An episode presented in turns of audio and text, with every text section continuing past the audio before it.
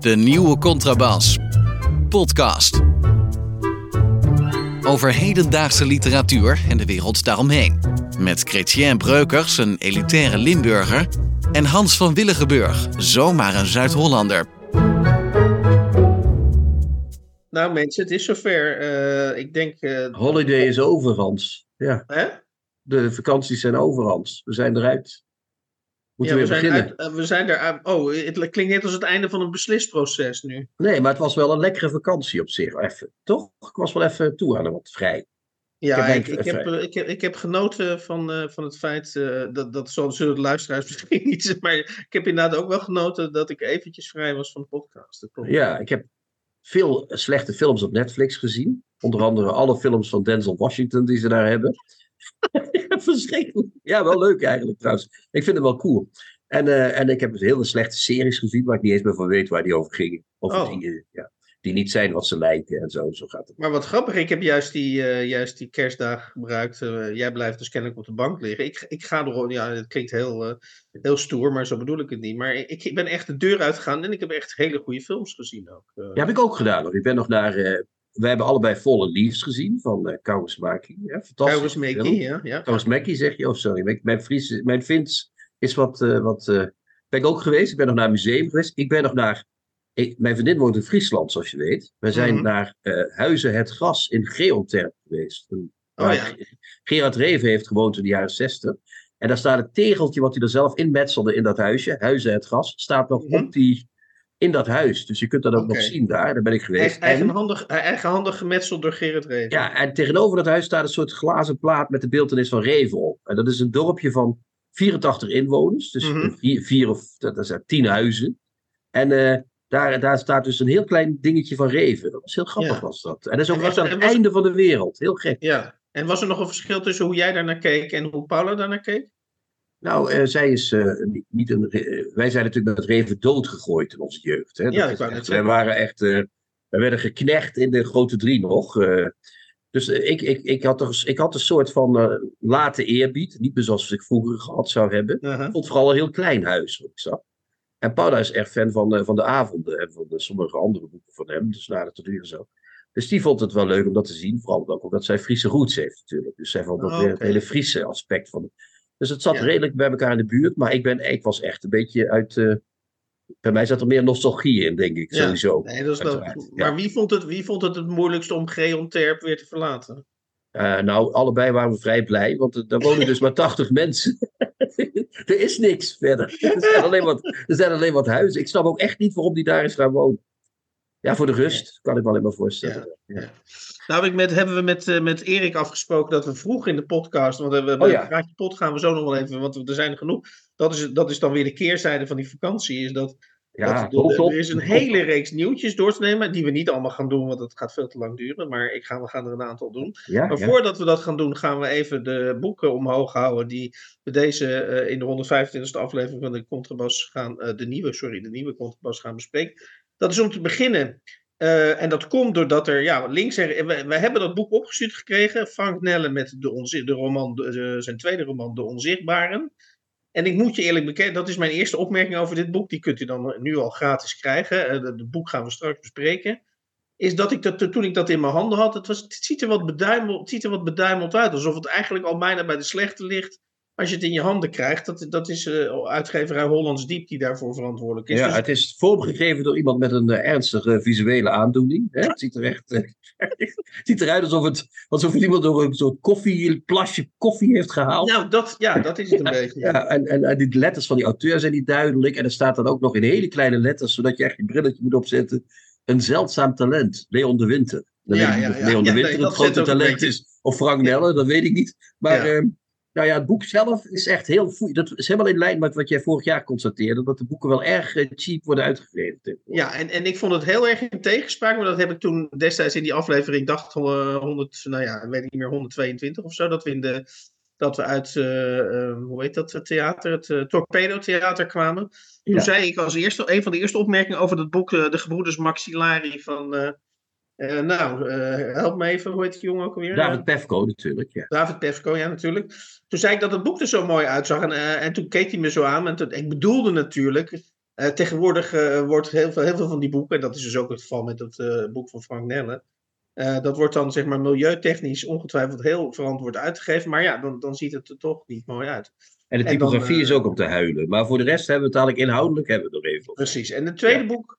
Eh, als tweede boek gaan we bespreken een, een Vla ik, ik, ik heb me laten vertellen dat het een Vlaamse klassieker is. Ik, ik Ja, zeker. zit momenteel in Gent. Dus dat landschap wat eh, hier beschreven wordt, eh, dat, daar zit ik zelf in zekere zin middenin.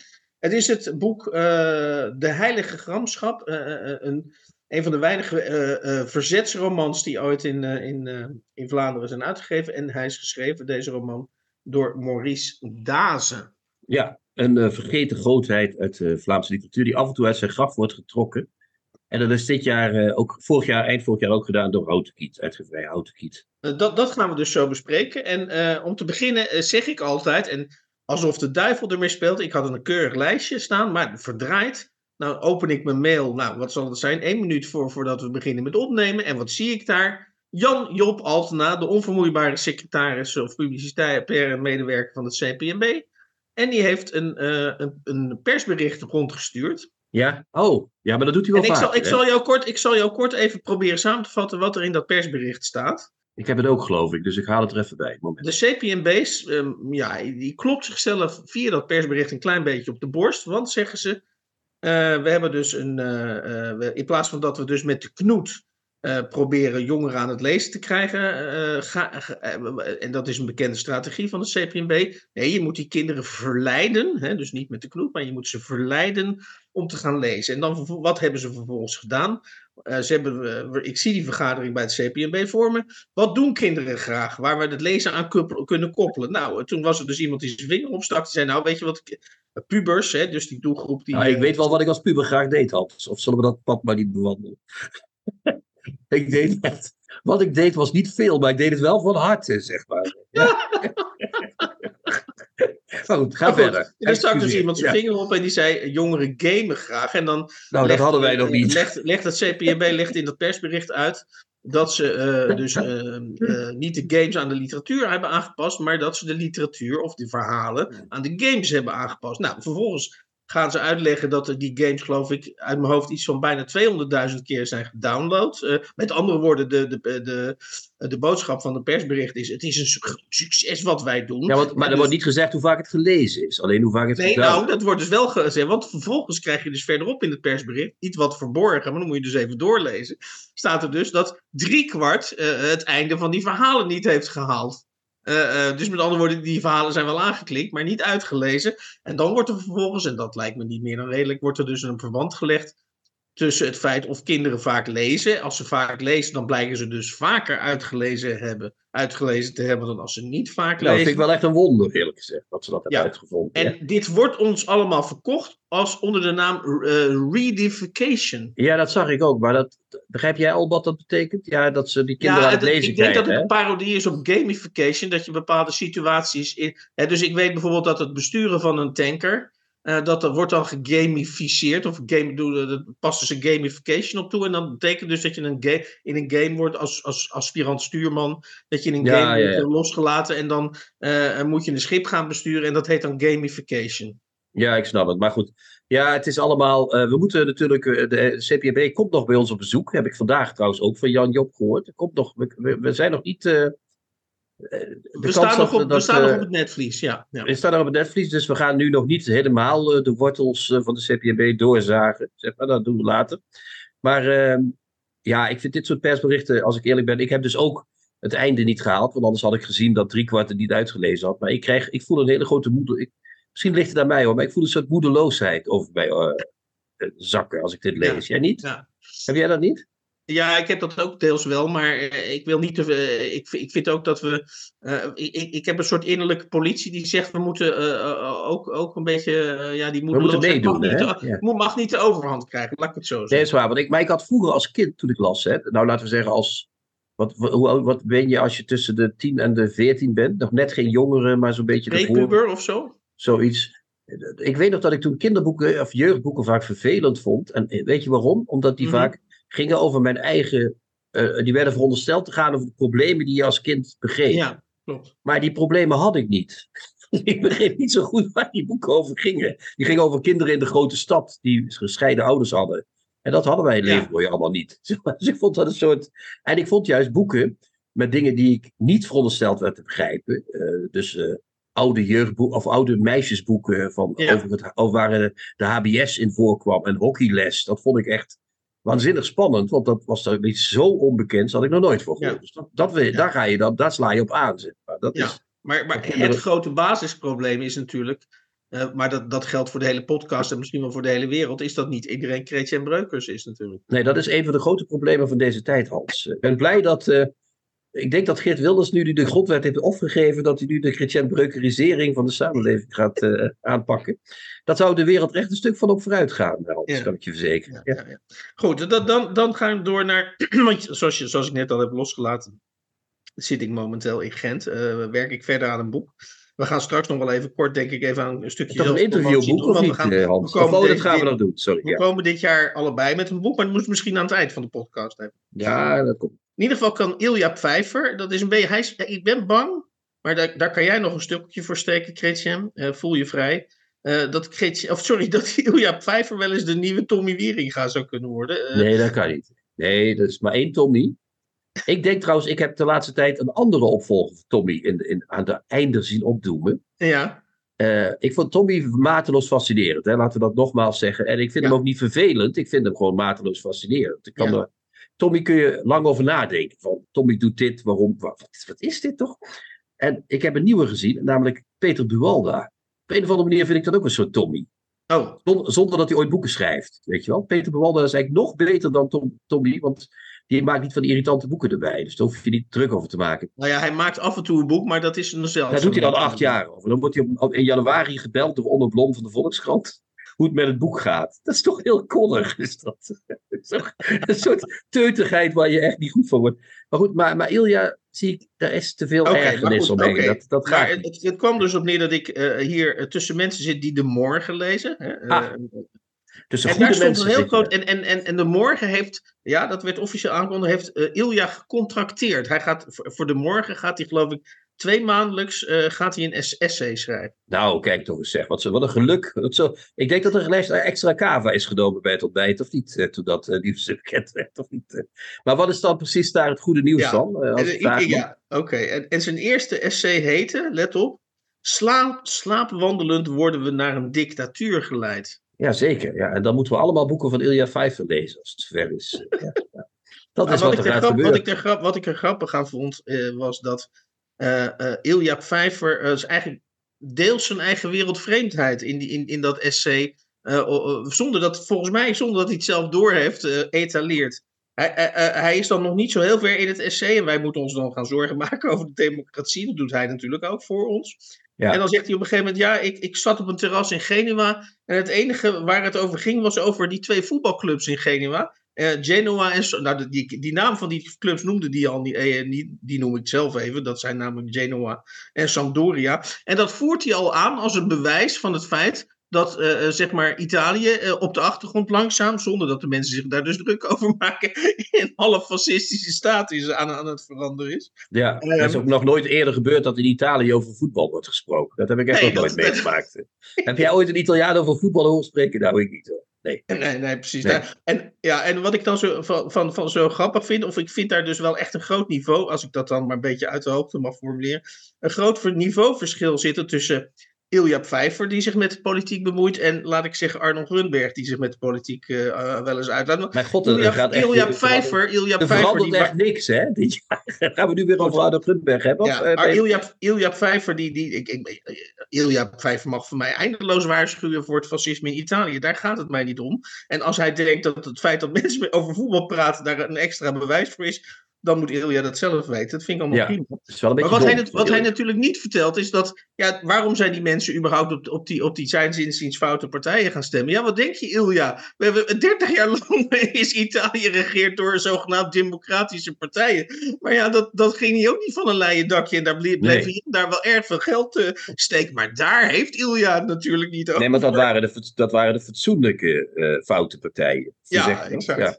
Nou ja, dat gaat toch overal hetzelfde hand. Ik bedoel, eh, dat, ja, de, de, je moet je altijd, waar, waar je altijd voor uit moet kijken, dat zij, eh, eh, de Godfather, is een scène, dan is die zoon van hem doodgeschoten. En dan komt die, hoe heet die, die, die nou dan ben ik de naam van de beroep, eh, Robert De Niro komt dan bij hem, omdat Ja, hij ja. opvolger gaat worden van, van die zoon. En dan zegt de, de Godfather, je moet uitkijken wie het eerst komt aanbieden om je te helpen. Die heeft het gedaan, die zit erachter. Nou, dat, is dus, dat zijn Ilja Vijver-achtige mensen. De eerste die aanbiedt om de democratie te redden, daar moet je er hard voor uitkijken. Dat zijn echt, eh, dat zijn de gevaarlijkste. Zijn dat, eh. Ja, ja. ja oké. Ja, vind ik wel dat zijn totalitaire geesten, zijn dat. eh, ja. Mooie, mooie parallel vind ik dat, ja. Nou, iets anders wat ik ook niet onvermeld wil laten, want er zijn echt een heleboel dingen, dus, maar die, die komen dan in aflevering 126. We moeten, we moeten een beetje, hoewel aan de andere kant, we zijn een tijdje weg geweest, dus we mogen ja, doe er nog maar één of twee. Ja, laten we, ja. Ja, je, je hebt af en toe ook eh, schrijvers eh, die eh, ehm, ons mailen en die willen heel graag in de nieuwe Contrabas podcast. En ik had dit keer een Peter W.J. Brouwer had ik, aan, had ik, had ik in, de, in, de, in de messenger zitten. En die, en die zei, ja, ik ga binnenkort een roman publiceren. En let op, Chrétien, eh, die roman luistert naar, naar de titel. Op alles wat ik ben. ja. Dus Nou, ik- dat is mooi. Op, ik, Op- ik weet niet hoe, op, op, op, of hij het glas heeft en, en Ja, zegt ik ja, het zal wel een dubbelzinnige titel zijn, in de zin ja, van ambigu. op alles wat ik ben. Oké. Ja, ja. En hij vroeg, en hij vroeg in, want hij vroeg eerst aan mij, mag ik je een vraag stellen? Wat vond ik wel heel beleefd. Dus daar kunnen we Peter J. Brouwer, W.J. Brouwer niet eh, over, over, eh, over laten vallen. Eh, ik zeg, ja, stel maar een vraag. En toen zei hij, ja, ik wil heel, om het boek een beetje een kontje te geven, wil ik heel, zou ik heel graag geïnterviewd willen, willen worden. in Oh, de- oké, in de nieuwe aardig Contrabas ja. Nou, da- daar, daar reageerde ik zo beleefd mogelijk op. Ik zeg, ja, dat kunnen we overwegen, maar dat moet ik dan met Chrétien overleggen. Hebben we dat zeg, al gedaan? Oh ja. wat- maar wat, wat, wat me opviel, ik zeg maar wat me opvalt, valt, valt, eh, Peter, is dat je eigenlijk geen ene reden noemt, hè, behalve dan dat je boek publiceert, eh, eh, waarom we daar aandacht aan zouden moeten, moeten besteden. Eh, eh, en toen vervolgens eh, zei hij, en toen, en toen da- daarom is dat is de enige reden dat ik dat nu opbreng, anders dan zou ik dit contact verder niet op hebben gebracht, dat hij als een van de redenen gaf om hem te interviewen, let op, ik praat ook wel graag. Ja, nou, dat vind ik een heel sympathieke reden. Maar die moeten we er dus niet bij hebben, want voordat je het weet zit je een half uur. Wauw, over een nieuw boek te luisteren. Nee, maar goed, het is, ja, goed, maar dat is ook een teken, Hans. We moeten dit ook positief duiden. We worden bekender, Hans. We worden bekender als dit. Maar dit ja, zijn wel, ja, ja, ja, ja, Dus- dit zijn wel dus- mensen die altijd overal opduiken. De- Die naam eh, die dook al op toen ik eh, nog al in poëzie eh, deed. Mhm. Toen zag je, die, hoorde je de naam Peter W. Brouwer ook al overal. En je had laatst ook zo'n Vlaming die iedereen zijn boek stuurde. Ik weet niet meer hoe die heette. Dat boek eh, met die foto's. dat was ook iemand die Ja. iedereen. En ja, dat, we worden bekender, Hans. Maar er, komen ook, er zijn ook lelijke kantjes aan. Als je dat maar Ja. weet. Ja.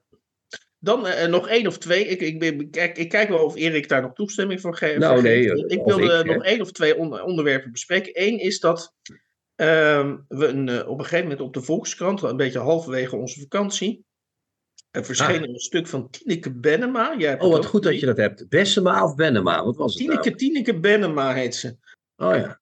En die, ehm, die, die slaapt waarschijnlijk slecht. Of die, die, die, die ziet eh, die beelden uit de, uit de Gaza blijven voor haar uh, geestesoog spoken. Dat zou zomaar kunnen. En daar is op zich ook uh, is dat misschien heel logisch dat dat gebeurt. Maar die ging toen vervolgens, die klom in de pen. En die zei uh, wat, wat er nodig is om dit conflict op te lossen. Kortom, om, om, om zeg maar die bombardementen een beetje tot stilstand te brengen. Of misschien zelfs acuut te laten stoppen. Wat er nodig is, uh, is uh, doordringen tot een diepere werkelijkheid. En dat kon, en toen, dat, toen, toen kwam het. Uh, we moeten mensen, zowel, ik neem aan dat zowel de Gazanen of de Palestijnen als de Joden, moeten we nog meer of meer of nog meer aan het lezen krijgen. Ja, ik heb het gelezen, ja, ja, ja. Want dat brengt meer empathie met zich mee. Hè? Dat, dat zei ze ook letterlijk. Ja. Ze zei zelfs letterlijk, want ik heb het. Ik, grappig dat je het opbrengt, want ik heb het klaargezet. Ze neemt Os als voorbeeld. En dat is een uh, Israëlische schrijver natuurlijk. En ze neemt Amos een, Os, ja. ja. En ze, Amos Os. En ze neemt een Palestijnse schrijver die ik nu even aan het zoeken ben. Die bij Jurgen Maas volgens mij verschenen is. De andere heet Hassan Kanafani. Dus die heeft Mannen in de Zon geschreven. En dus, mm -hmm. Ze neemt heel correct van allebei de partijen één, één boek. Ja. En dan zegt ze dus dat, dat het dat empathie beter is, dat mensen van lezen meer empathie krijgen. en dan zegt ze ook, maar veel meer dan het nieuws dat we dagelijks lezen, maken boeken de veelzijdigheid van de mensen duidelijk. Ze zijn niet eendimensionaal goed of fout, bloeddorstig of vredelievend, aardig of verachtelijk. Nee, het zijn allemaal azelaars. En verderop, wetenschappers wijzen erop dat mensen die fictie lezen beter communiceren en meer inlevingsvermogen hebben. Nou ja, dat is dus eigenlijk een beetje het, het gewone gepraat over empathie en literatuur. Ja, dat hebben we natuurlijk vaker besproken. In ja, en ik heb een reactie gevraagd van iemand die wij kennen, Hans, die, wij, die altijd als een schaduw boven deze show hangt. En die gepromoveerd is op empathie en literatuur. Je weet al wie ik, over wie ik het heb. Ja, Amy Koopman. Ja. ja, zeker. Die heb ik om een, per mail om een vraag, uh, om een reactie gevraagd op dit artikel. Zal ik daar even wat uit voorlezen? Uh, oh ja, dus, mooi. Uh, ja, ja, Die, die heeft een mits en maar, nou dat op een positieve manier. Dus die heeft een genuanceerd antwoord gegeven. Kijk, Benema, moeten we van tevoren ook even zeggen, die heeft in Ramallah gewoond. Hè? Dus die is Ja. erg betrokken bij het conflict. Dus je kunt niet zeggen dat ze niet, dat komt niet uit de lucht vallen. Nee. Dat is een slechte metafoor in dit geval, uit de lucht vallen. Maar goed, Ehm, dat doen bommen ook. Maar goed, dat was, dat was niet bewust, deze metafoor. Maar goed, zij zegt ehm, onder andere, eh, Amy dus, eh, Tineke Benema heeft een punt. Er ligt inmiddels best een stapel wetenschappelijke artikelen waaruit blijkt dat het lezen van een verhaal meer doet voor ons begrip van groep X of Y dan het lezen van een informatieve tekst. Eh, dus ze, heeft, eh, ze zegt, nou ja, dat is, eh, eh, er zit wat in, maar ze noemt ook een- twee problemen van, van dit soort teksten. Zal ik daar even op ingaan? Ja, heel graag. Heel graag. Het eerste probleem is dan, het zijn toch vooral de mensen die al veel lezen en zich bekommeren om verre anderen, die vinden dat nabije anderen ook meer zouden moeten lezen, om net zo empathisch te worden als zijzelf.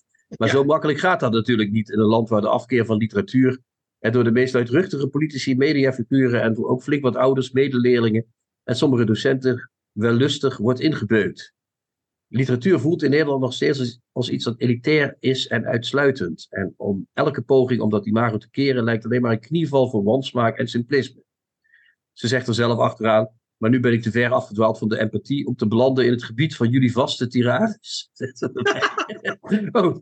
En dan ze, het tweede probleem met dit soort be- betogen, en dat is vrij cruciaal, is dat je aan empathie op zichzelf vrij weinig hebt als een betere wereld het doel is. Empathie kan wel de eerste aanzet zijn tot een behulpzame actie, maar emotionele em- empathie is, zoals elke emotie, vluchtig, snel vervangen door een andere emotie. Cognitieve empathie, begrip, perspectief kunnen wisselen, kan juist ook leiden tot wijfelen. Het is geen rechtstreekse weg naar specifiek sociaal gedrag. Bovendien is er in deze ingewikkelde grote wereld al te vaak de vraag wat behulpzaam en sociaal gedrag eigenlijk inhoudt.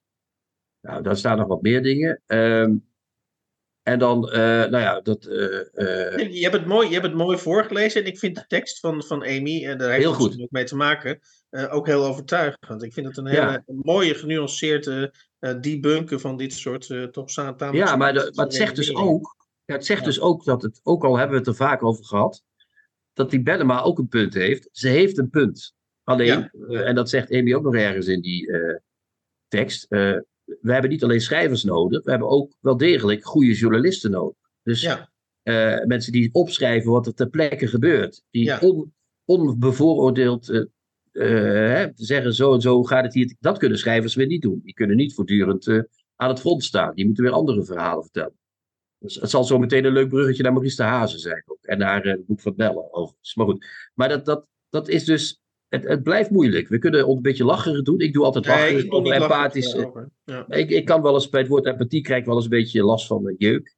Maar, maar, maar ja, het is, het, is, het, is een, het is en blijft een genuanceerd gebied. Dus het is wel mooi. eh, ik, vond het wel, ik was heel blij met haar reactie. dan. Ja, er is nog wel één ander aspect en dan gaan we afronden. Dan laat ik het volgende onderwerp toch even naar 126 eh, afzakken. Eh, dat namelijk bij dit artikel, eh, ik weet niet of ze, of ze hadden waarschijnlijk, of ze dachten, nou niet nog, bij de nieuwsredactie van de Volkskrant dacht waarschijnlijk niet nog een foto van, van, van een bom op een flat. Dus er was een foto bij, bij dit artikel geplaatst van de boekhandel Colette. Oh, waar, waar, waar altijd lijkt alsof er een bom is ontploft. Of wat, wat is bij de wijze reden van spreken, bij wijze Ja. van spreken. Maar eh, ik zou dan zeggen, als je mensen enthousiast wil maken over lezen, hè, eh, of, of, of hè, want dat, dat is Laat dan een leuke boekhandel zien of zo. Ja, laat dan een leuke boekhandel zien en niet een aftansen bij elkaar. Dat, dat, hebben we ook eerder beschreven in deze podcast. eh, ja. Dan laat je de foto zien van een boekenwinkel waar ze voor een paar euro boeken verkopen. En op, op kosten van de schrijver een beetje de deugneus eh, lopen uit te hangen. Dus dan zitten we nog veel verder van huis. eh. Tips van de week. Boeken, artikelen of pamfletten die boven het maaiveld uitsteken. We gaan twee boeken bespreken, een beetje het vaste aantal in de rubriek tips. En het eerste boek is dus van Frank Nellen, eh, De Onzichtbare. En de, eh, het geval is dus dat het boek eigenlijk al een beetje lag te verstoffen. Eh, het het, Ja. was, eh, eh, Ongevraagd tussen- toegestuurd met een heel lief briefje van de uitgeverij erbij. hè? Ja, ja, maar het lag al dus al een beetje te verstoffen. Voor zover het er al niet uitzag bij aankomst dat het al lag te verstoffen. Maar daar hebben we het net over gehad. En toen kreeg ik vanaf verschillende kanten, eh, in kranten, maar ook van mensen die, ja, die ook lezen. Of die, werd ik opmerkzaam. Nee, dat Frank Nelle, dat moet je echt lezen. Nou, oké. Ja, eh, nou, dus dus op het omslag staat al een zeldzaam talent. Dat zeiden we al van, eh, van eh, Leon Ja. de Winter. Op de achterblad staat zelfs, staan zelfs nog twee aanbevelingen. ja. Jaloersmakend, strak en mooi proza, van Eerwan Droog.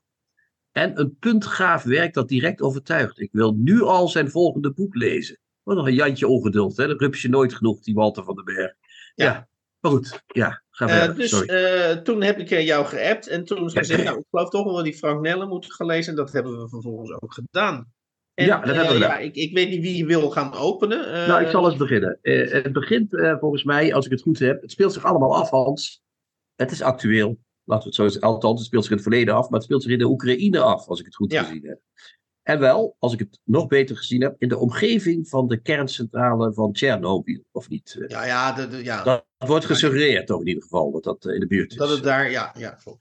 Want er is eh, een verhaal van een eh, man, Dani geheten, Mhm. die woont daar in de buurt, in een of ander dorp. In harmonie met de natuur, Hans. Als een vrolijke, happy camper woont hij daar in zijn gezin. Met zijn jeugdvrienden. Eh, onder andere ene Pavel. Pavel. Ja, maar ik, ik- maar- maar ik moet even ingrijpen, sorry zo snel, want dat doe ik niet graag. Maar is hij wel zo gelukkig? Want, want, want eh, eh, ja, dat gaan we dadelijk bespreken. Oké, dat, ja, ja, er kwam nog een maar. Dus de, de, er wonen mensen in een dorp. in een soort harmonie. Weliswaar onder de knoet van de Rus. Hè, dat wel. Of net tegen het einde van de knoet van de Rus aan, zal ik maar zeggen. Midden jaren tachtig. Ja. Dan gebeurt daar in dat dorp iets.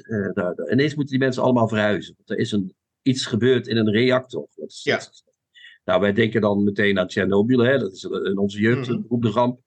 Eh, dan moeten die mensen weg. En eh, dan volg je eigenlijk eh, die mensen door hun, met hun tochten door, eh, langs steden en andere dorpen. En je vo- volgt vooral die Dani, de hoofdpersoon, Ja. en die Pavel, zijn jeugdvriend. En daar gebeuren allerlei dingen mee. Dat is het hele, dat is het stramien van dit boek. Wat zich dan een beetje afspeelt tegen, het, tegen de achtergrond, heet dat dan. Bij GBJ Hilteman. Eh, van het ineenvallen van de Sovjet-Unie, eh, toch? Dat is Ja, want, want, want het, is, het is een historisch vrij nauwkeurig. En dat kun je wel aan. Want Frank Nelle, ik denk dat dat niet onbesproken mag blijven. Is, dat blijkt ook uit de achterkant. Hij is eh, fiscalist en eh, eh, schrijver. Ja, dat moet jou toch wel een warm hartje nee, hij- bezorgen. Sorry. Hij is schrijver, jurist en econoom. En daarbij is hij ook nog fiscalist. Dus het is wel een man van, de, de, de- van het detail. Ja, En, het voelde eh, voor jou als denk- thuiskomen, toch Hans, denk ik? Of Ja, niet? Met jouw vader als eh, belastinginspecteur, een genadeloze belastinginspecteur uit Oesgeest. Een van, de, een van de eerste dingen die ik wist dat ik niet zou gaan studeren was eh, fiscalisme. Maar goed. eh, Jammer, hè? Maar goed, er is een miste kans. Eh, maar goed, maar ja. goed, ehm, eh, daarmee is denk ik misschien, misschien al meteen een kenmerk van het boek aangeraakt. Namelijk dat ehm, eh, Frank Nelle is vrij precies. Die, Ja. die, die, die zorgt ervoor dat de dingen wel kloppen. hij zegt volgens mij achteraan in zijn boek ook dat hij geïnspireerd is. Of dat hij het werk van Se- eh, Svetlana Alexievich, eh Ja. Nobelprijswinnares... eh, dat hij die als achtergrond heeft gebruikt eh, om, om, eh, om het, Oekraïne zo levendig en, en, en goed mogelijk weer te geven. Is hem ook wel En- gelukt, heb ik het idee? Ja, en, en wat wel heel belangrijk, en op heel belangrijk is, en ik ga nu eventjes, eh, eh, het klinkt schoolmeesterachtig, maar zo bedoel ik het helemaal niet. Eh, eh, de generatie van vrienden die hij dus beschrijft, die groeien op in, onder Brezhnev in de jaren zeventig. Ja. En uh, die worden dus volwassen, uh, inderdaad, in 86, of die zijn op de drempel van volwassenheid. Als die, als Bij die, Gorbachev, hè? Ja, bij Gorbachev. En, en, en als die de kerncentrale ontploft. En dat culmineert dan uiteindelijk, want daar begint het boek mee. Met uh, de, het, het, uh, ja, het ineenvallen van de Sovjet-Unie. En daar met, speelt. Met Yeltsin dus, hè? Ja. ja, en daar speelt de hoofdpersoon, of de tweede hoofdpersoon. Uh, een grote rol in, namelijk Pavel. Ja, want die is politiek actief geworden in al dat gedoe. In al die tijd, toch? Ja, en, en, ja, het is heel denk... moeilijk om dit boek te, na te vertellen, want dan ga je heel snel het plot uh, uh, vertellen. Dat klopt, dat klopt. Maar is je, kunt, je kunt in ieder geval zeggen dat Dani en, en Pavel, uh, die hebben in diezelfde vriendengroep gezeten, hebben ook bij elkaar in de klas gezeten. En die Dani, dat, dat kun je volgens mij zonder probleem zeggen, die is gefascineerd door die Pavel, door de uitstraling ja. en, de, en, en, en, en de geleerdheid. En, en Pavel wordt ook overal aangetroffen boeken lezen. Dus en die, die kijkt door je heen, hè? Pavel kijkt door hem heen. Die voelt, hij voelt alsof die Pavel door hem heen kan kijken, alsof ja. hij alles ziet ja. van hem. Ja. Dat is echt een fascinatie. Het is een roman over een fascinatie, dat is het. Ja, en, en ik, denk dat ik denk dat het ook heel belangrijk is om te zeggen dat Pavel dus heel lang uh, uh, gelooft in, in het systeem. Hij is, uh, ja. hij is dus hij is een socialist. Dus hij, hij is niet alleen een geleerd of een potentieel, of Dani ziet alleen niet een geleerde in hem, maar ook een, een moreel rechtschapen mens. Ja, en dat, dat valt dan ook weer op als er verhalen komen over die Pavel of Pavel, ik weet niet hoe je dat daar zegt. Die gaat promoveren en dan moet hij toch een beetje zich inhouden, want dan moet hij volgens de juiste socialistische leer nog nog een communistische leer nog af uh, promoveren, bedoel ik zo. Ja. Uh, dus hij, die man die gaat heel lang met het systeem mee, zeg maar. Die, die Ja. Pavel. Daar waar die Dani natuurlijk een slachtoffer van het systeem is, want die is zijn huis uitgegooid. Ja. Uh, maar die Pavel, op een gegeven moment gaat bij hem ook het knopje om, want die helpt nog wel mee met het leegmaken van die dorpen rond die reactor. Ja. Maar er gaat iets fout bij die Pavel. Hè? Ineens is het afgelopen met de pret. Dan heeft hij er geen Ja, zin meer in. Ja, nou, nou, wordt, nou, nou is Frank Nelle wordt in al die, dat kunnen we eh, gerust zeggen, kunnen in al, die, in al die verschillende, bijna allemaal lovende besprekingen van dit boek, wordt om zijn stijl, zijn strakke stijl genoemd. Dus ik denk, nou, laat ik eens, laat ik eens even een, een, een korte passage voorlezen, pagina 21. En dan zitten we midden nog in het begin van het boek. En dan eh, gaat het dus over die vriendengroep. En het Mhm. gaat over die sfeer in de Oekraïne die eh, destijds heerste. En dan schrijft eh, Frank Nelle dus daarover het volgende. Weddenschappen waren ernstige aangelegenheden op school. Niet alleen hadden ze het vermogen om de verveling te verdrijven, ze brachten ook de belofte van verheffing. We waren slechts schooljongens, eenvoudig en onbelangrijk. Maar omdat Anatoly had gewonnen, kon hij zich warmen aan het idee dat hij was uitverkoren. Dat hij zijn gelijke binnen de dorpsgrenzen was ontstegen. De door hem opgestreken buiten was daarvan het tastbare bewijs. Als verliezers hadden wij geen andere keus dan onszelf te troosten met de gedachte dat zijn heerlijkheid broos was en tijdelijk bovendien. Onherroepelijk zou het moment komen dat de roes van zijn overwinning was weggezakt, waarschijnlijk nog voordat de sigaretten waren opgerookt en het geld was uitgegeven, en dan zou de ontnuchterende last van het dagelijks leven weer bezit van hem nemen. Op dat moment zou hij wederkeren tot onze rangen, die van simpele dorpsjongens. Net als wij zou hij zich opnieuw moeten verzoenen met het lot, dat voornamelijk bestond uit een eindeloze worsteling, mo- mooi gezegd, uit een eindeloze worsteling met de tijd. En dan ben ik bijna aan het eind. Tot de volgende we- weddenschap, vechtpartij of feestdag ploeterden we gezamenlijk voort. Huiswerk, klussen, verveling. We wisten niet beter. Ons leven draaide niet om keuzes of mogelijkheden. Ik, ik denk er dan bij, zoals in het Westen, maar om de werkelijkheid zoals die was. Onbeweeglijk als de betonnen Lenin op het dorpsplein. Ja, ja, ja, ik vond het in het begin ook nog wel fraai allemaal. Al is dit natuurlijk wel Kundera eh 1.0. Hè? Dit is Kundera met een klein eh, beetje melk erbij. Eh, maar ik vond de stijl mooi. En dat zeker in het begin. Zeker de eerste 60 bladzijden zat ik er vrij gemakkelijk in. Maar toen op een gegeven moment begon ik te denken... Ja, maar ik word hier ergens ingeluisterd. Snap je wat ik bedoel? Oh, Eh, ja. ik, ik- op een gegeven moment had ik van het idee, ja, maar die Nelle, die zit hier gewoon. eh, ik kreeg een beetje een associatie met die Sascha Bronwasser. Dat boek Luister, dat is ook zo. Dus is ook veel geprezen, maar dat is voor Ja, jou ook veel geprezen. nou ja, dat hoeft. Dat, dat, ja, maar goed. eh, Ja, maar daarmee bedoel ik, dat was ook een boek dat is heel handig in elkaar gezet. Daar zit één één heel goed verhaal in, in dat boek van Bronwasser. En dat is, Mhm. daar heeft ze een heel actueel verhaal mee geknoopt. En dat is dan wat iedereen heel leuk vindt. Maar dat is volgens mij toch. Eh, ik heb dus wat ik zei in de vakantie veel naar Netflix gekeken. Netflix kan het altijd beter, zeg maar. En wat ik in dit boek zie, is iemand die een hele goede stijl heeft. een heel interessant verhaal daarmee aan elkaar knoopt. Maar Mhm. uiteindelijk blijf je toch met het idee zitten: wat heb ik hier gezien? Eh, Je, je- eh, je ik- zei ik- letterlijk tegen mij op de app, of, of eh, dat zei je volgens mij letterlijk. Waarom lees ik dit? Ja, want ik. Dus ik, ik en dan, daarmee En samen. dan had mijn ook- vraag aan jou zou zijn: waarom die vraag? Dat is, Ja, nou de vraag is, als ik dit, als ik dit lees, denk ik, ja, dit, ik weet eigenlijk op een gegeven moment, dit zit heel knap in elkaar. Dus er komt een soort ontknoping. Hè, dat heeft hij allemaal heel goed geresearched. Dat heeft hij netjes in elkaar gezet. Eh, eh, eh, en dan op het laatst denk je dan, ah, waarom lees ik dit? Want dat, het kan beter in een Netflix-film. Dat wordt altijd spannender en met meer gegooid en gesmijt gedaan. En ten tweede, wat ik me echt afvraag, is waarom schrijft die man dit? Waarom schrijf je dit boek?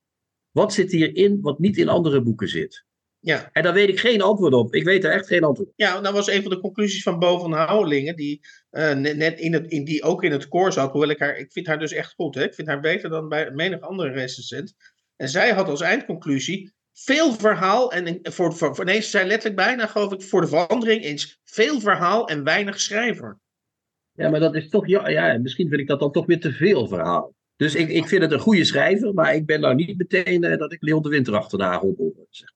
Nee, Oké, een slotvraag over dit boek, eh, wat mij betreft. Eh, en dan mogen, wat mij betreft, alle mensen eh, die naar de nieuwe Contrabas podcast luisteren, mogen. Hè, de proof of the pudding is in the eating, zullen we maar Ja, ik, ik stuur mijn exemplaar tegen verzendkosten. Mag mijn exemplaar iemand hebben? Dus laat me op. Ja. Ja. Oké, eh, nee, mijn slotvraag zou zijn. eh, denk jij dat, want, want het is zo unaniem geprezen en, met, zoveel superlatieven. eh, ik heb zoiets, eh, moeten we de prijzen gaan klaarzetten voor Frank Nelle? Ik, ik mag het voor hem hopen. Dat zou fantastisch zijn voor hem. Maar ik denk het, ja, ik zou dit, dat zou betekenen dat de literaire prijzen zich te veel om een verhaal bekommeren en te weinig om te schrijven. Om de, lijn van Ja. door te trekken. Ja. Ja, maar ja, ik, Maar ik gun het hem van harte. Daar gaat het niet om. Ja, nou ja, er, er blijft de vraag over, want ik, ik, eh, wat, wat ik er zelf van vond. Kijk, wat, wat, wat ik, ik, je, hebt, je hebt zeg maar eh, verhalen. Eh, eh, je, hebt- je hebt tegenwoordig zo'n techniek, zo'n medische techniek, dat ze iets in kun je brengen in je bloedbanen. Een, een shoot heet dat, geloof ik. eh. En, en, en er, is, er is zeg maar een bepaald soort schrijver die gaat met, als een soort shoot in de bloedbaan van een personage zitten. En, dan, en je hebt een ander soort schrijver, die gaat met een soort drone gaan die over een bepaald soort, over een bepaalde thematiek of over een bepaald, in dit geval dus eigenlijk over de Oekraïne. En ik, ik, heb wel het, ik kan het deels dus wel onderschrijven wat jij zegt. Dat ik, ik dacht, ja, het is wel vlot geschreven, maar het gaat als een drone over al die gebeurtenissen heen. Het wordt wel op zich correct. Ik zou bijna zeggen, maar dat is flauw. Als een fiscalist wordt het, eh, wordt het, wordt het, wordt het- fiscaal zal het kloppen, dat boek, zullen we zeggen. boekhouding Maar, klopt, zeg maar. Ja. maar, maar eh, ik kreeg uiteindelijk die echte warmbloedige eh, eh, gevoelens kreeg ik er ook niet bij, inderdaad. Nee. Kreeg je die wel, Hans, bij eh, eh, Maurice de Hazen? Kreeg je daar lekkere warme gevoelens bij, Hans? Nu je toch in België bent. eh. Nee, ik denk, je kunt heel veel over dit boek zeggen, maar niet dat het warmbloedige gevoelens bij je Nee, opwekt. nee, nee. Het boek heet De Heilige Gramschap, zeiden we net al. Hè? Is van Maurice Ja. de Hazen. Eh, is uit 19... Is het uit 51 of was het uit 55? Even kijken, even 1952 was het volgens mij. 1952. Oh, oké. Oh ja, 1952. Klopt. Achterflap.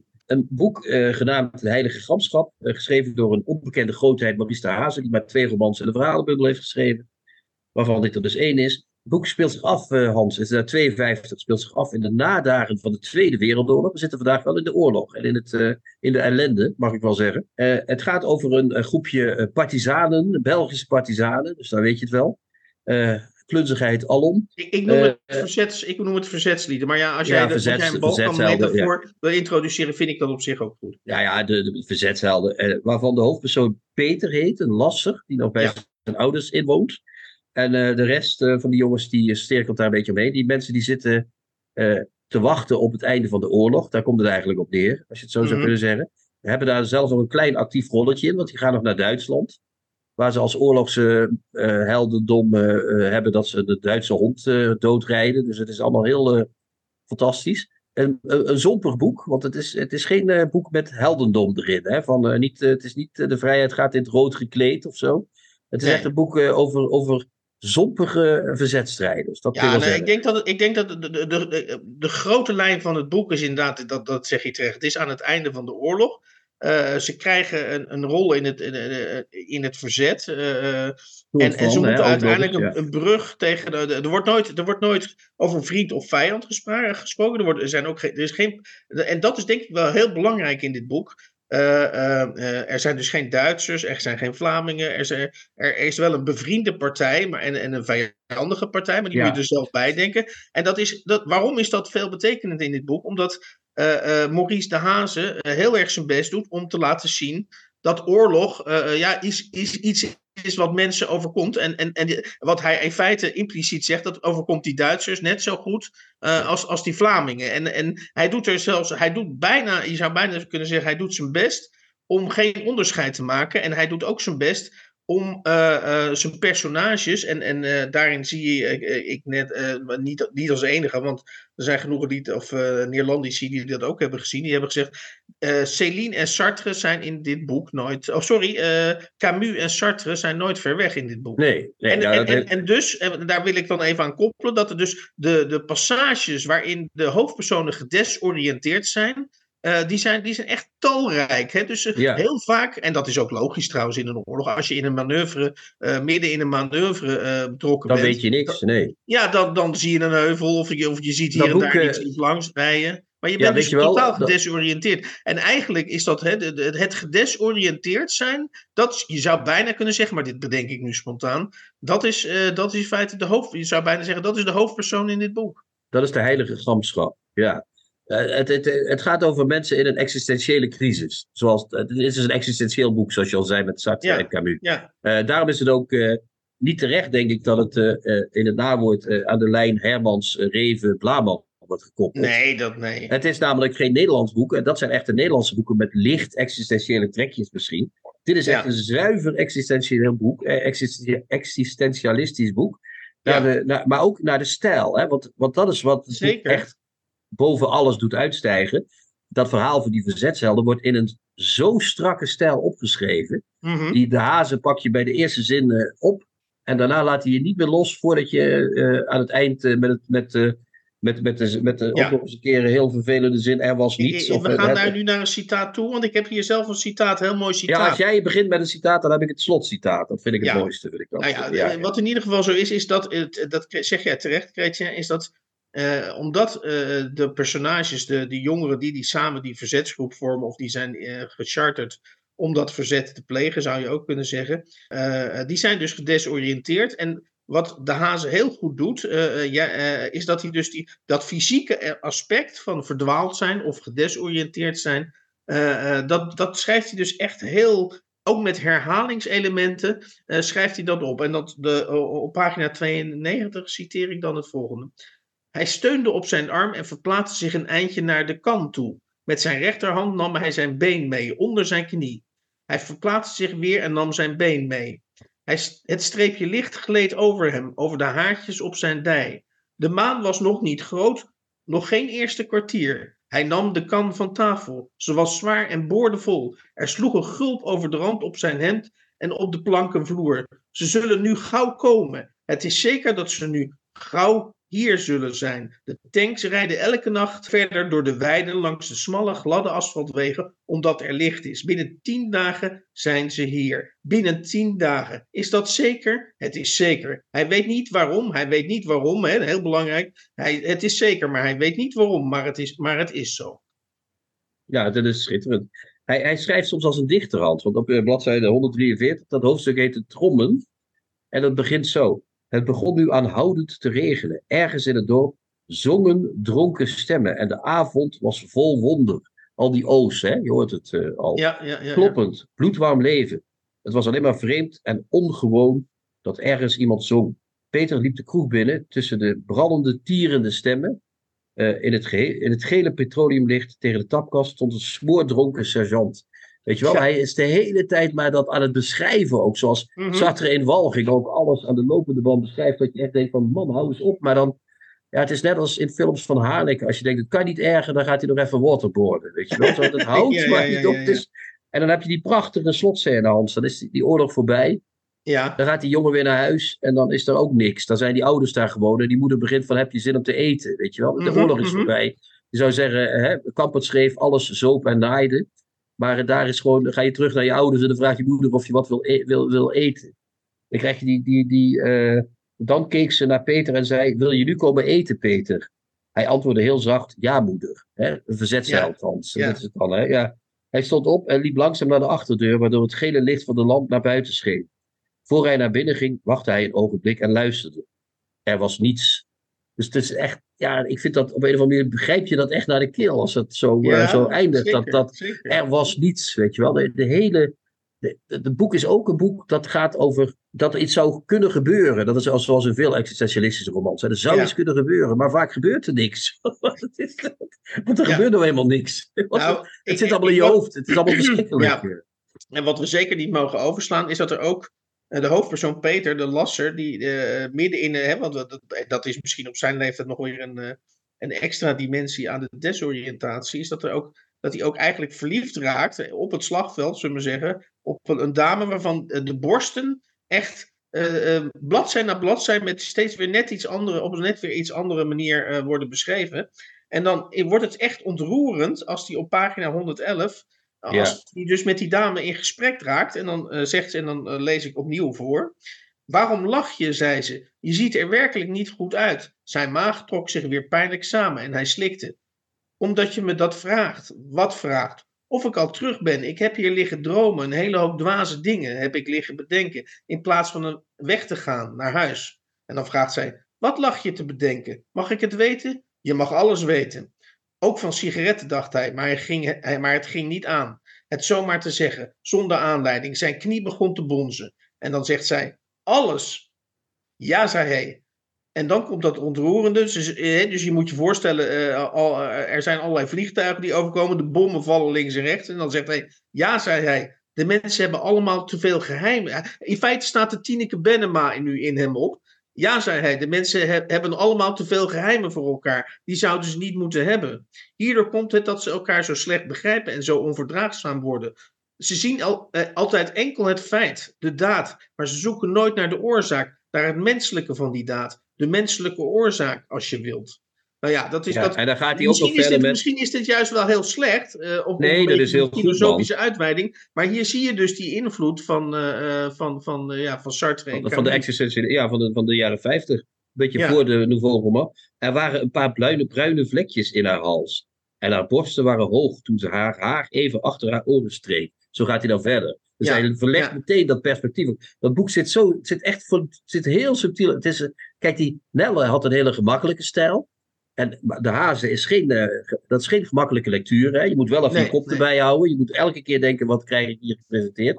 Maar ik heb zelden zo'n eh, zo'n volledig dicht en volledig goed geschreven boek gelezen. Dit is echt, Ja. ik, vind dit echt een, ik vind dit nou echt een meesterwerk. Wat vind jij daarvan? Nou, dat, nee, dat, dat, dat, dat, Nee? dat- nou ja, goed. eh, dat, dat mag, maar... maar eh, nee, ondanks dat- het nawoord van Jos Joosten vind ik het een meesterwerk. Ja, en, en, en wat ook, wa- wa- waarom misschien het wel een meesterwerk is, dat je zonder enig eh, probleem de laatste zin kan citeren uit dit boek, zonder dat je iets weggeeft. Ja, Want het is geschreven en dat een- geldt eigenlijk ook voor het boek van Frank Nelle. Daar moet je eigenlijk om het plot heen bewegen als bespreker, zeker op een podcast, want je wil die mensen eh, niet dat boek van Frank Nelle ontnemen. Integendeel, je wilt ze eventueel prikkelen om dat toch te gaan lezen. Maar eh, bij Maurice Dazen, en dat is misschien wel de kenmerk van een meesterwerk, wie weet, eh, daar kun je als laatste zin, eh, eh, namelijk de laatste zin van dit epos, of nee, het is geen epos, maar wat, hoe noem je dat? Ja, een, hoe zullen we het eens noemen? Het is een roman, Hans. Dat Het is nou wat je een roman, ja, noemt. Ja, De ja. laatste zin van deze roman is heel existentialistisch, kan ik alvast verklappen. Er was niets. ja, dat zei ik net. Dat citeerde ik net. Maar Oh, inderdaad. sorry, er- sorry, sorry. Ja, er, wa- er, was, er was niets inderdaad. Dat is zo. Dus dan heb je 200 bladzijden heeft hij je aan je nekvel door, door de ellende getrokken. En dan zegt hij, er was niets. Dus dat zegt alles natuurlijk. Er, er is niks meer. Er is geen oorlog meer. Maar er is ook niks om je op te verheugen. Het is, het is, het is echt een, een- Het geeft mij naar de keel. Het was echt, ik vind het echt een meesterwerk. Maar goed, eh, jij niet. Net niet misschien. Maar goed, we, we Nee, zijn voor de duidelijkheid, ik vind, het- ik vind het echt heel goed, hè? maar, maar het, me- het woord meesterwerk, had ik, ik, ik ga erover nadenken, maar eh, Ja. hoe heet het? eh, ja. Het is werkelijk geweldig hoe jij hebt gestreden tegen de ontlezing. En hoe jij de liefde voor het lezen en het boek hebt aangewakkerd bij al die honderdduizenden. En wij strijden daarin zij aan zij. En daarom vind ik het een eer dat ik namens de CPNB, dat is de collectieve boekpromotie in Nederland, dat ik jou mag kronen tot ambassadeur van de leesbevordering. Dit is een zeer felbegeerde speld. De enige echte ambassadeurspeld. Nou, dan gaan we nu eh, eh, naar eh, de, dat, nu gaan we even naar het blokje zelfpromotie. Ik weet niet of dit nog of dit ook een of, of dit onderdeel wordt van onze poging het speeltje binnen te slepen van het CPN. Zeker wel. Doe Voor zover dat anders. spelletje überhaupt nog, nou ja, ik hoop het. Want wij doen ook aan readification, Hans. Wij gaan het volk ook aan het lezen krijgen. Dat gaan we zeker, toch Hans? Ja. Want ik heb Ja. gehoord dat jij weer met een lekker nieuw boek bezig bent. Ik zag al een omslagje ergens staan.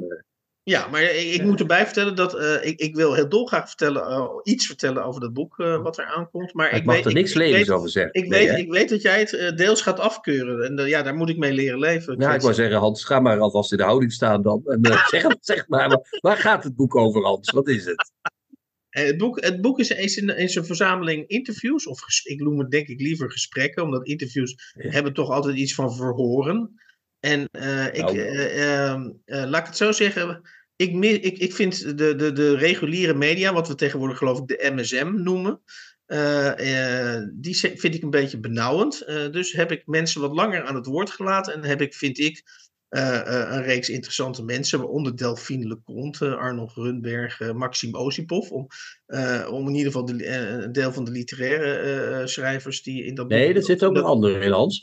Billen bloot. Wedden dat er nog anderen in zitten? Ja, er zit ook, ja, eh, nou, bijvoorbeeld Pieter Waterdrinker, ik weet niet of daar, ja, die daar zit, er, die zit Ja. er ook in. Ja, Heel goed, ja, daar komt hij al. ja. Eh, ja, maar, die, eh, eh, maar goed, eh, ik hoop natuurlijk dat je het wel gaat lezen als, eh, als mijn Zeker, collega. ik lees alles wat Dus, jij eh, schrijft. dan kom je erachter dat, eh, ja, nog los van, van wat je van zijn boeken vindt, dat hij over dat eh, Rusland-Oekraïne-conflict, dat hij echt een hele interessante kijk Dan kan hij heel goed eh, de New York Times na vertellen. Ja, dat kan hij zeker. Ja, maar goed, we gaan verder. Ja, dit wordt dus een mooi interviewboek. Zo, ja, dat is zo nasty. ja, dat- Ik kan het niet laten. Het, moet, het is sterker dan ik zelf had. Sorry. Maar ik ben heel benieuwd, want je hebt dus een interviewboek, maar niet alleen met literaire mensen, toch? Ook politiek. Nee, nee, nee. Ik, ik heb bijvoorbeeld Ew- Ewald Engelen, heb ik, eh, Oh eh, eh, mensen als Ad Verbrugge, eh, filosoof. Eh, dus, dus er zit, en, ik, het, en, en, er zit ook George Monbiot, die is laatst in Wintergasten geweest. Oh, heb je die eh, ook. Be- Dus zit ook- serieus? Ben je daar geweest? Of is hij bij jou Nee, ik heb hem op Zoom heb ik hem eh, geïnterviewd. Oh, oké.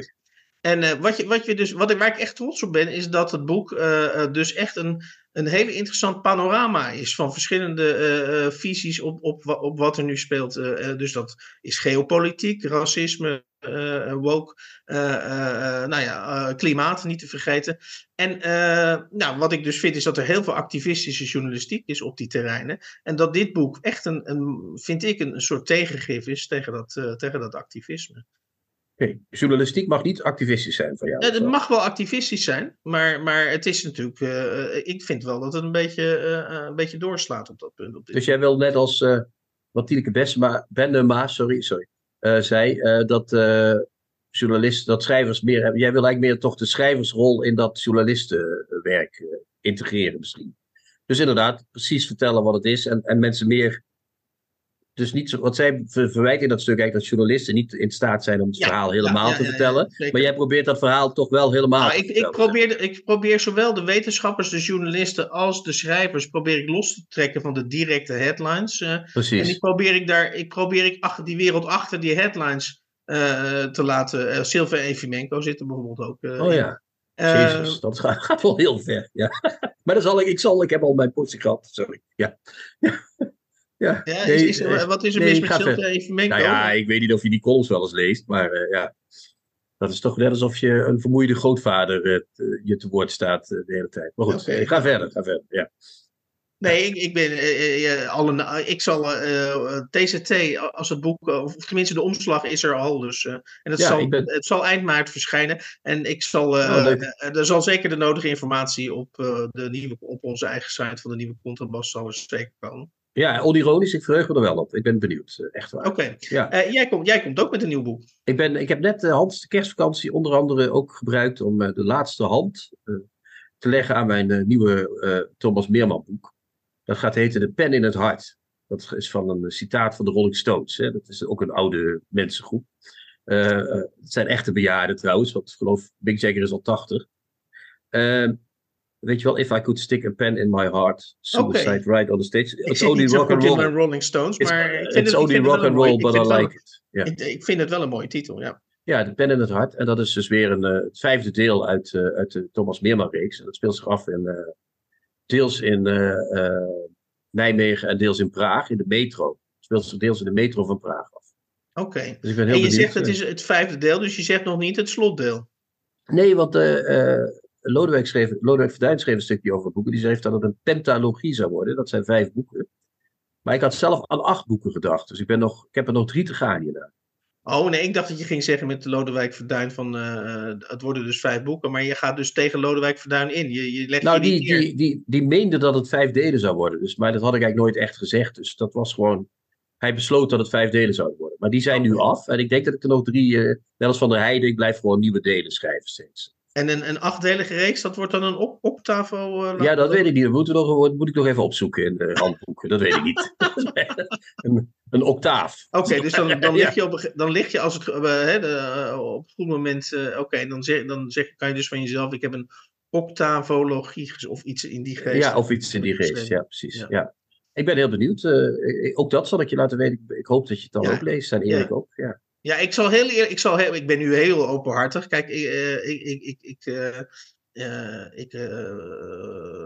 je zit altijd op een bepaalde, op, wij zitten op een bepaalde, op, ook met de podcast zit je op een soort maximum. Dus je, je hebt soms een goede aflevering en daar luisteren dan 1000 of 1200 mensen naar. En naar iets mindere afleveringen luisteren 600 of eh, 700 mensen. Ook met een boek wil je wel eens uit de band eh, springen. Nou hoop ik natuurlijk, daar ben ik, eh, en dat heb ik niet van tevoren bedacht. Hè. Het is niet zo dat ik die mensen ga interviewen omdat ze. Maar wat ik natuurlijk wel hoop is dat ze via sociale media, mensen die geïnterviewd zijn, dat ze via sociale media ook weer eh, reclame maken voor het boek. Ja, zo werkt het Ja. natuurlijk wel de, deels. Ja.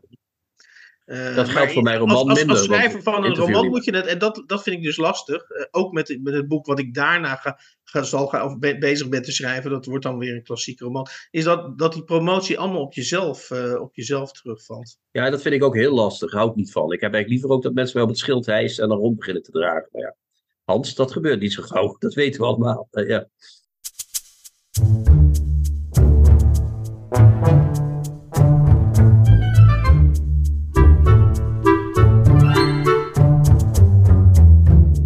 In de 125e aflevering van de nieuwe Contrabas podcast, eh, de terugkeer podcast, eh, bespraken we achtereenvolgens eh Frank Nellen met zijn tweede roman De Onzichtbaren.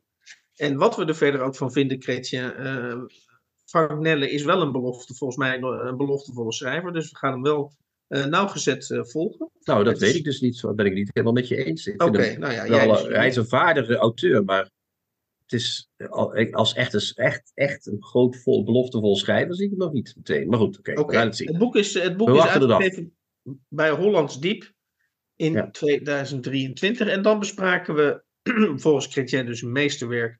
De Heilige Gramschap, eh, geschreven door Maurice Dazen.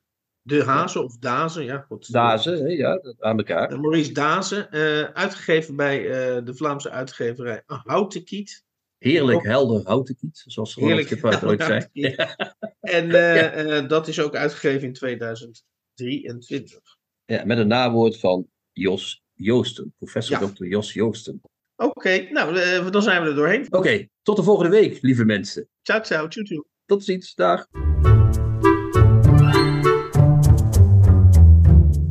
De nieuwe Contrabas podcast wordt gemaakt door Chrétien Breukers, Hans van Willigenburg en Erik Lindenburg. Kijk jij ook elke week uit naar de nieuwe Contrabas podcast? Voeg dan de daad bij het woord en word officieel supporter. Dat kan al vanaf 1 euro per week, oftewel 52 euro per jaar. Draag je ons een heel warm hart toe, dan kun je ook Golden Supporter worden voor 104 euro en Platinum Supporter voor 208 euro per jaar. En wat krijg je daarvoor terug? Dan luister je met nog meer plezier naar ons uitgesproken geluid wekelijks over literatuur. En wat je ook geeft, ga naar gofundme.denieuwecontrabas.blog. Nog één keer? gofundme.denieuwecontrabas.blog. Hup, hup, hup. Hup.